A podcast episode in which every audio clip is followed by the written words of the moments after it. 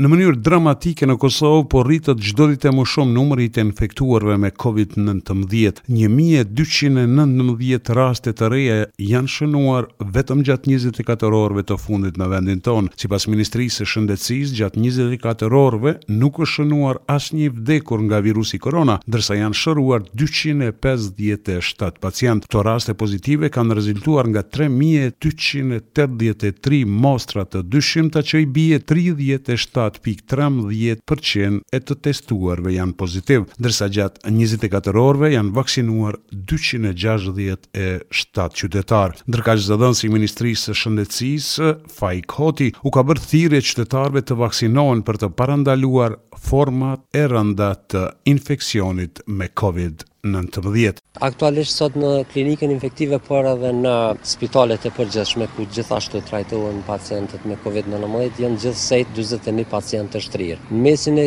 tyre ka pacientë që janë të vaksinuar, le të themi me dy doza, edhe që janë të infektuar, ndërsa numër shumë i vogël është i atyre që janë të vaksinuar me tri doza dhe të infektuar. Prandaj është shumë e rëndësishme që popullata këtyre ditëve me qëllim që të shmangë edhe kufizime të ndryshme apo masa restriktive të vaksinohet. Në seancën plenare të Kuvendit të Kosovës, në deklarimet jashtë rendit të ditës, deputetët shprehën shqetësimin për rritjen e numrit të rasteve me Covid nëntëmbëdhjetë, ndërsa kritikuan qeverinë për mosmarrjen e masave, gjithashtu shqetësim u ngrit edhe për rritjen e çmimeve. Në seancën paraprake, Kuvendi i Kosovës miratoi në parim projektligjin për Byronë Shtetërore për Verifikimin dhe Konfiskimin e Pasurisë së Pajustifikueshme. Duke parë rritjen e numrit të rasteve me Covid nëntëmbëdhjetë, deputetët opozitarë shprehën shqetësim në seancën e Kuvendit. Deputeti i LDK-së, Armend Zemaj ka kërkuar që qeveria të veprojë lidhur me gjendjen e krijuar. Ku në kohën e kësaj qeverie janë thyer të gjitha rekordet e zeza në botë, si për nga numri i të infektuarve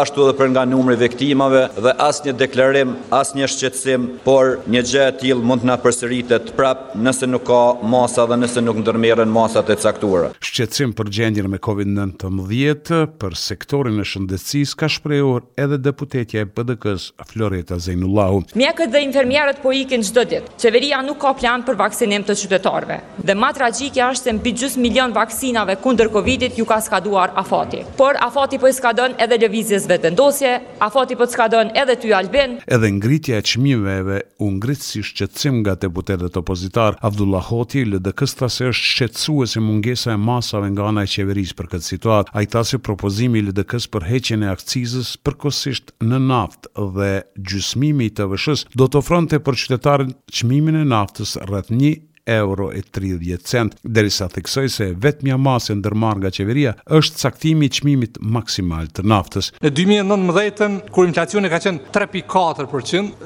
Vetëvendosja e pat shpallë vitin dy mijë e nëntëmbëdhjetë vit të rritjes së çmimeve me tre pikë katër për qind inflacion. Tash çmimet kanë shku mesatërisht katërmbëdhjetë për qind dhe nuk ndërmerret asnjë masë. E vetmja masë për të menaxhu këtë situatë është caktimi i çmimit maksimal të naftës. Për këtë reagoi ministri i Financave Hekuran Murati. Por vetëm merrni si referencë çmimin e naftës në raportin e fundit të ASK-së është marrë në pikë. Pra çmimi i naftës bazë aty, referencë është një euro e tetëdhjetë e tetë cent e ne gjithë e dimë që çmimi ka lëviz shumë më poshtë krahasu me atë periudhë. Ndërkaq lidhur me Byronë Shtetërore për Verifikimin dhe Konfiskimin e Pasurisë së Pajustifikueshme, Kryeministri Albin Kurti tha se nuk duhet ngatërruar Byronë Shtetërore për Verifikim dhe Konfiskimin e Pasurisë së Paligjshme me Vettingun. Byroja Shtetërore për Verifikimin dhe Konfiskimin e Pasurisë së Pajustifikueshme dhe Vettingu në sistemin e drejtësisë nuk janë e njëjta gjë. Nuk është mirë të fusim gjithçka në një thes kur nuk e kanë vendin aty. Duke e ditur që procesi i Vettingut merr kohë, i vetmi efekt është që të shtyhet Byroja Shtetërore, dhe kjo është gabim. Pra, Vettingu në Drejtësi dhe Byroja Shtetërore për verifikimin dhe konfiskimin e pasurisë së pajustifikueshme janë dy gjëra të ndryshme. Mos i fusim në një thes sepse nuk janë bashkë.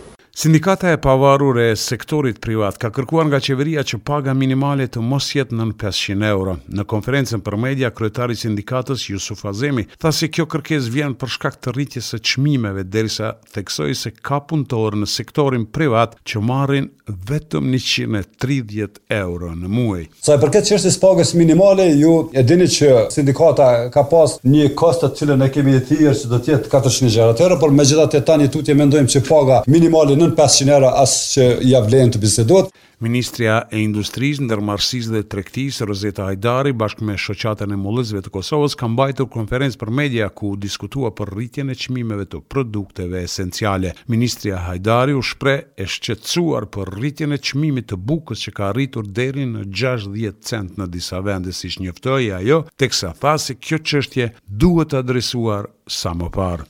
Për Radion SBS, Mendujsa, Prishtinë.